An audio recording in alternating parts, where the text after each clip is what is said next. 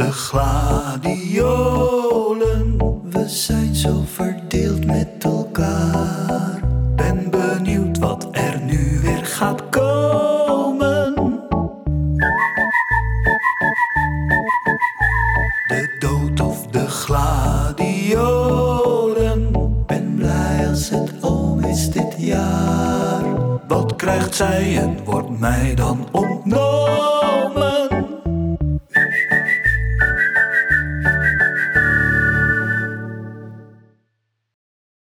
Sinds het begin van de coronacrisis wordt mijn wereld steeds kleiner.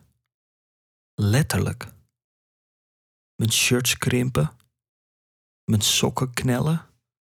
Het zitvlak van mijn bureaustoel lijkt per dag aan vierkante millimeters in te boeten. Alleen de weg naar de koelkast is langer dan ooit. Ik hijg wanneer ik mij aankleed. Ik kreun wanneer ik opsta. De stoel kraakt van opluchting. Ik word dik. Ik heb moeite om fit te blijven. Voorheen was ik topfit. Ik had een abonnement voor de sportschool. Ik had die pas altijd bij me. Ergens, geloof ik. Die sportschool is voor mij als hypochonder met smetvrees nu geen optie meer. Ik sta bij de supermarkt al het karretje schoon te boenen alsof iemand een pak vla over de hendel heeft uitgesmeerd. Dit zou betekenen dat ik voor de hardnekkige zweetresten op een roeimachine mijn eigen brandblusser met desinfect zou moeten meenemen. Maar er moet iets gebeuren aan mijn campingpostuur, want ik hou helemaal niet van kamperen. Binnensporten is geen optie. Ik woon in een klein appartement. Als ik een yogamat wil uitrollen, moet de voordeur open. Bootcampen? Mijn moeder heeft mij van jongs af aan al gezegd dat ik niet s'avonds schaars gekleed met vreemde mannen in een park moet afspreken. Kijk, sommige mensen krijgen van sporten last van hun spieren of gewrichten. Ik krijg last van smoesjes. Alleen voor dat verdomde hardlopen heb ik nog niets kunnen bedenken. Ik bedoel, mijn benen doen het. Het sportbroekje is van een elastische stof en is dus een van de weinige kledingstukken die ik nog wel pas. En het speciaal voor deze taak ontworpen schoeisel staat klaar in de gang, klaar voor vertrek. Die klote schoenen, zij zijn mij een doorn in het oog. Iedere keer als ik langsloop staren ze mij aan. Ze smoezen met elkaar. Ze lachen mij uit over mijn buik en over mijn conditie. Ik zeg zo hardop dat ze hun mond moeten houden en mij met rust moeten laten. Ik weet dat ze gelijk hebben. Maar blijkbaar is de belabberde, of beter gezegd, de beblubberde esthetiek van mijn pens niet genoeg om mij in beweging te laten komen. Ik had ook gehoopt dat het niet zou opvallen dat ik dikker ben geworden. Dat iedereen op de wereld evenredig dikker zou zijn geworden. Dat ik de tv zou aanzetten om sport te kijken en zou zien hoe Daphne Schippers haar muffintop over de hordes werkt. Of hoe Rico Verhoeven een kaakslag op zijn dubbele onderkin ontvangt. En dat ik zou zien dat alleen Michael van Gerwen zijn absolute topvorm heeft weten te behouden.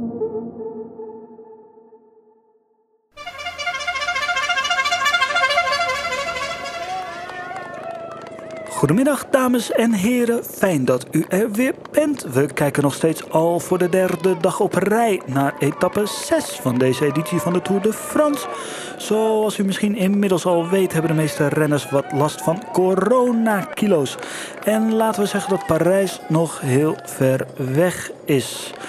We kijken op dit moment naar een kopgroepje van drie. Quintana, Roglic en Mollema. Of moet ik zeggen Bollema. Het kopgroepje is gevormd na een demarrage op de vorige klim. Waarbij de rest van het peloton na een kilometer of twee weer achteruit rolde. Roglic was als eerste boven en ging als zwaarste van de drie ook weer het hardst naar beneden. De andere twee renners zijn inmiddels weer aangesloten. Quintana rijdt voorop te herkennen aan de bolletjestrui. Alhoewel ze natuurlijk allemaal een soort bolletjestrui dragen. Met daarachter Roglic en in zijn wiel Mollema. Die zit een beetje aan het elastiek. Gaat zo nu en dan op de pedalen staan. Dat piept en dat kraakt af en toe. Vooral de fiets dan natuurlijk. Maar hij zit er nog steeds net als de kilo's aan. Er is in deze etappe nog zo ongeveer 140 kilometer te gaan. Grappig genoeg ook het lichaamsgewicht van Quintana. En de renners hebben tot aan de meetwind mee. Dat betekent dat ik goede hoop heb dat we vandaag rond middernacht gaan finishen. En dan zullen deze drie heren met elkaar een geheel nieuwe betekenis aan de term massasprint gaan geven. Rond de klok van 11 komen wij terug voor de ontknoping. Maar we gaan eerst even naar het dameshandbal. Daar is al wekenlang niet gescoord, omdat de keepers simpelweg te groot zijn voor het doel.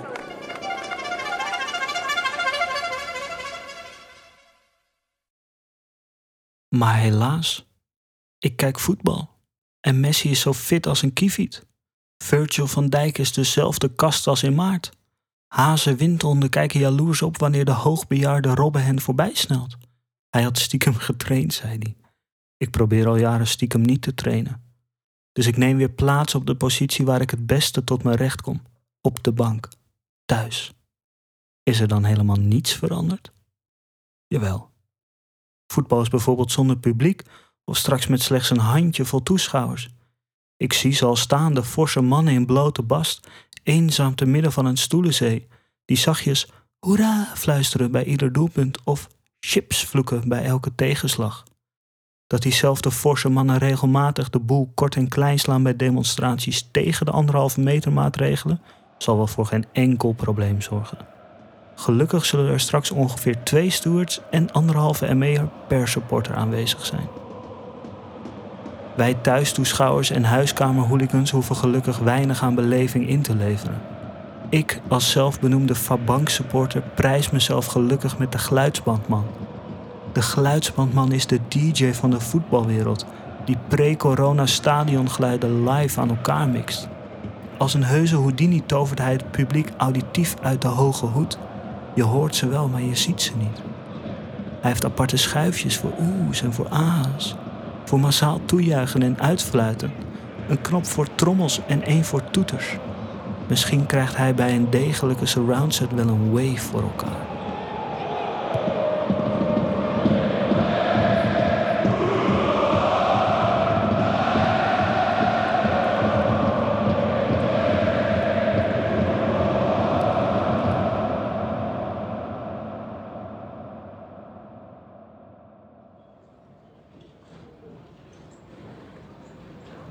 Staan hier bij Frits, de geluidsbandman. Uh, Frits, allereerst gefeliciteerd met de wedstrijd. Wat was dit nou voor een wedstrijd?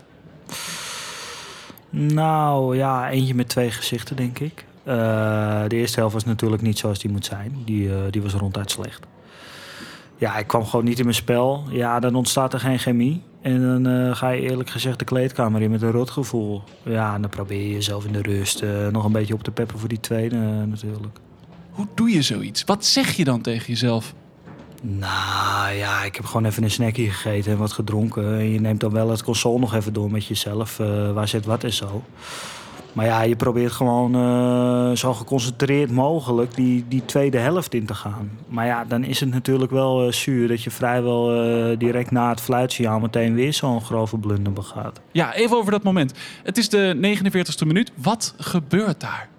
Nou ja, wat gebeurt daar? Uh, nou, het is natuurlijk niet mijn bedoeling om bij zo'n charge, waardoor een speler met een dubbele beenbrak het veld moet verlaten, om dan een, uh, lachband in te starten. Uh, dat snap je zelf ook wel.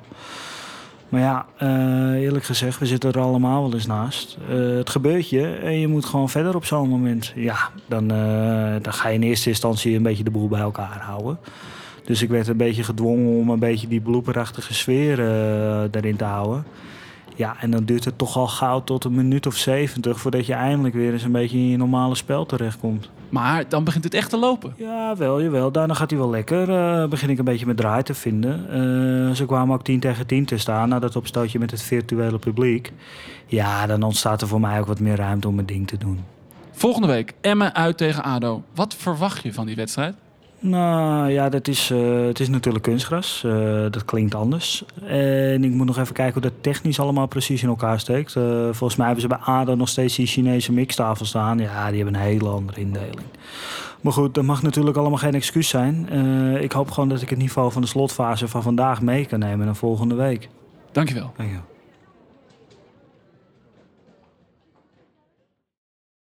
Pas als er een vaccin is, worden de deuren weer wagenwijd opengezet voor voetbalsupporters.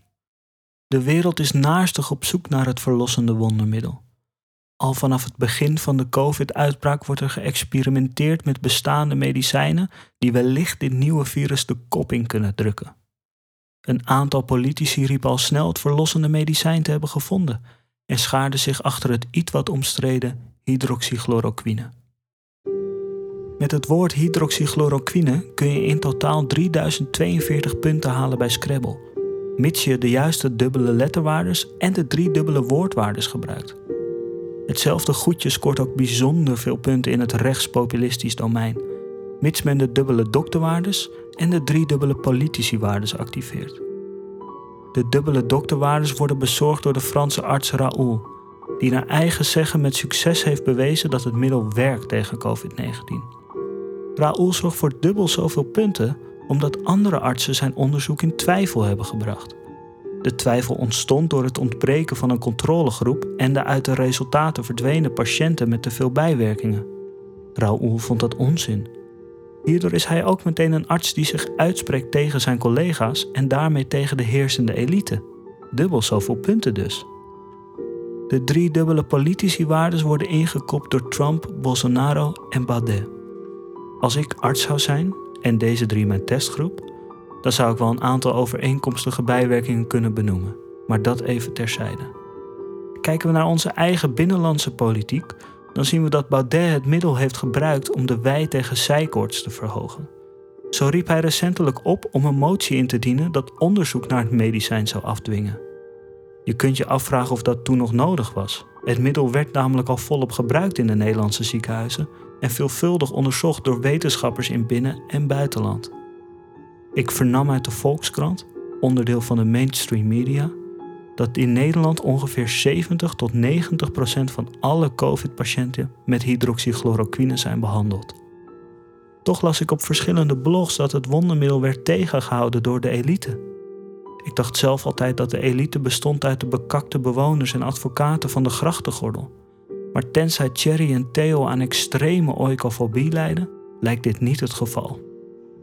Waar die elite ook uithangt, inmiddels is wel duidelijk geworden dat ze de boel niet erg onder controle hebben, aangezien maar een handjevol mensen niet behandeld werd met hydroxydinges. Wat een flut-elite.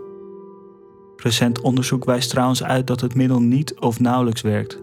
Niet volgens Bolsonaro overigens, die zegt dat zijn milde COVID-klachten te wijten zijn aan het preventief innemen van die malariapillen. Zou hij voor de zekerheid toch een doosje remdesivir bij Trump hebben besteld?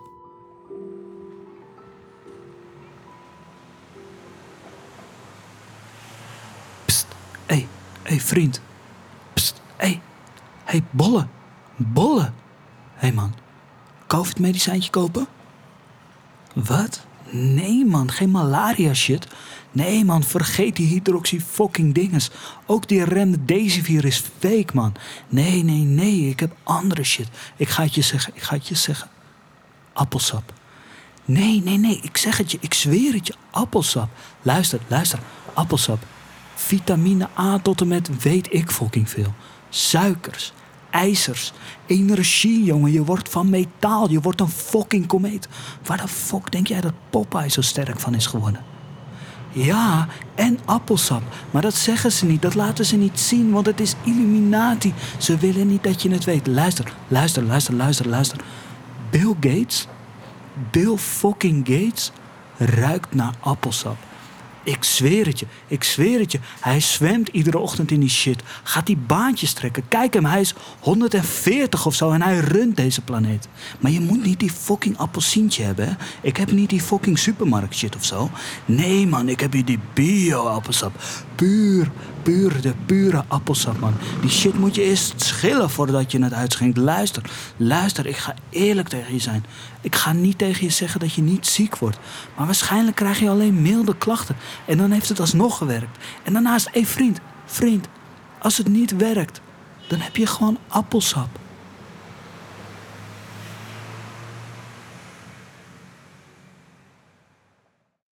Ik heb voor de zekerheid toch maar een paar pakken meegenomen. Maar ja, ik zocht eigenlijk geen medicijn. Ik ben helemaal niet ziek. Ik ben gewoon dik.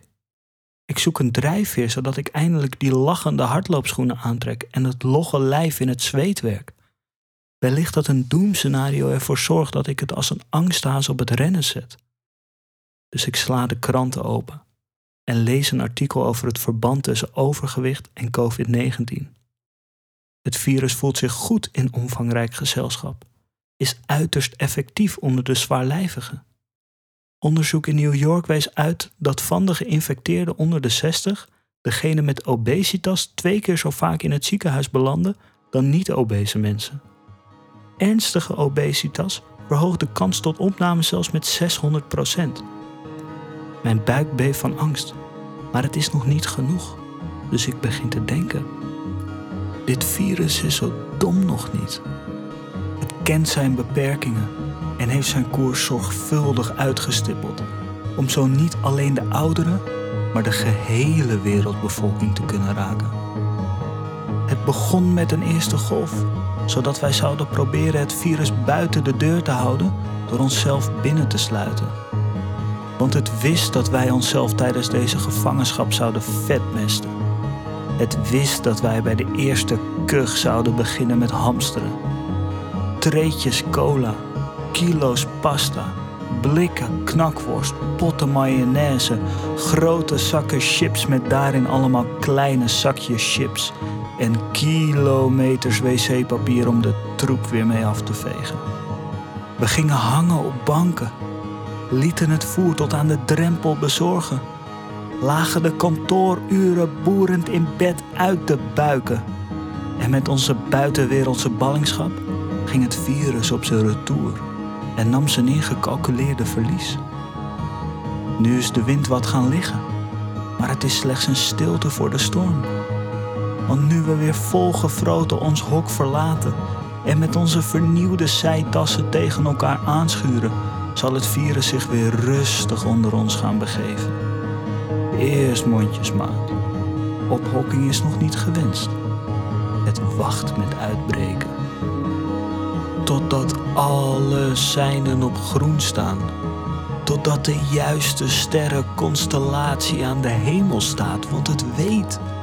Het weet dat het ideale moment voor een tweede golf vlak na de op eerste kerstdag is. De decembertemperatuur is een genot voor het virus.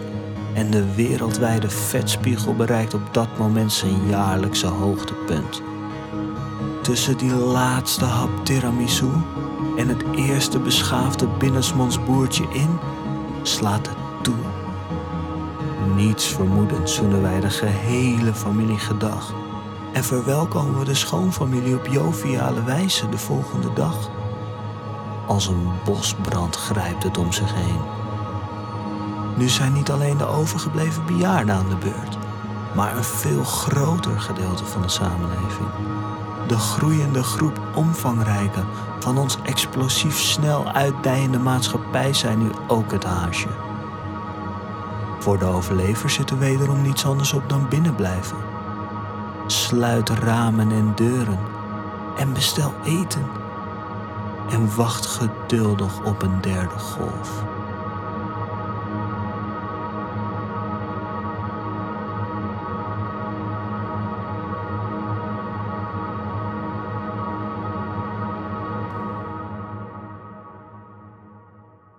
Dit doemscenario heeft me geholpen voor een eerste rondje in het park. Ik ben nog een motiverende apocalyptische scène aan het bedenken voor de ronde van volgende week.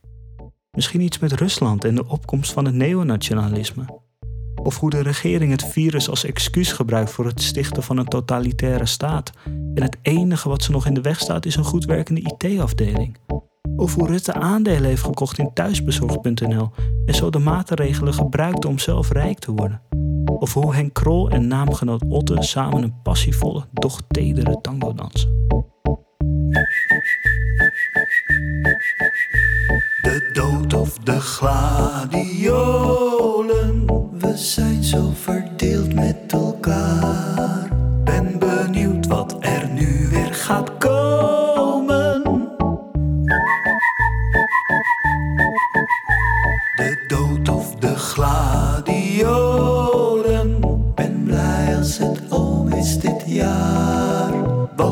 jaar. Wat krijgt zij en wordt mij dan ontnomen?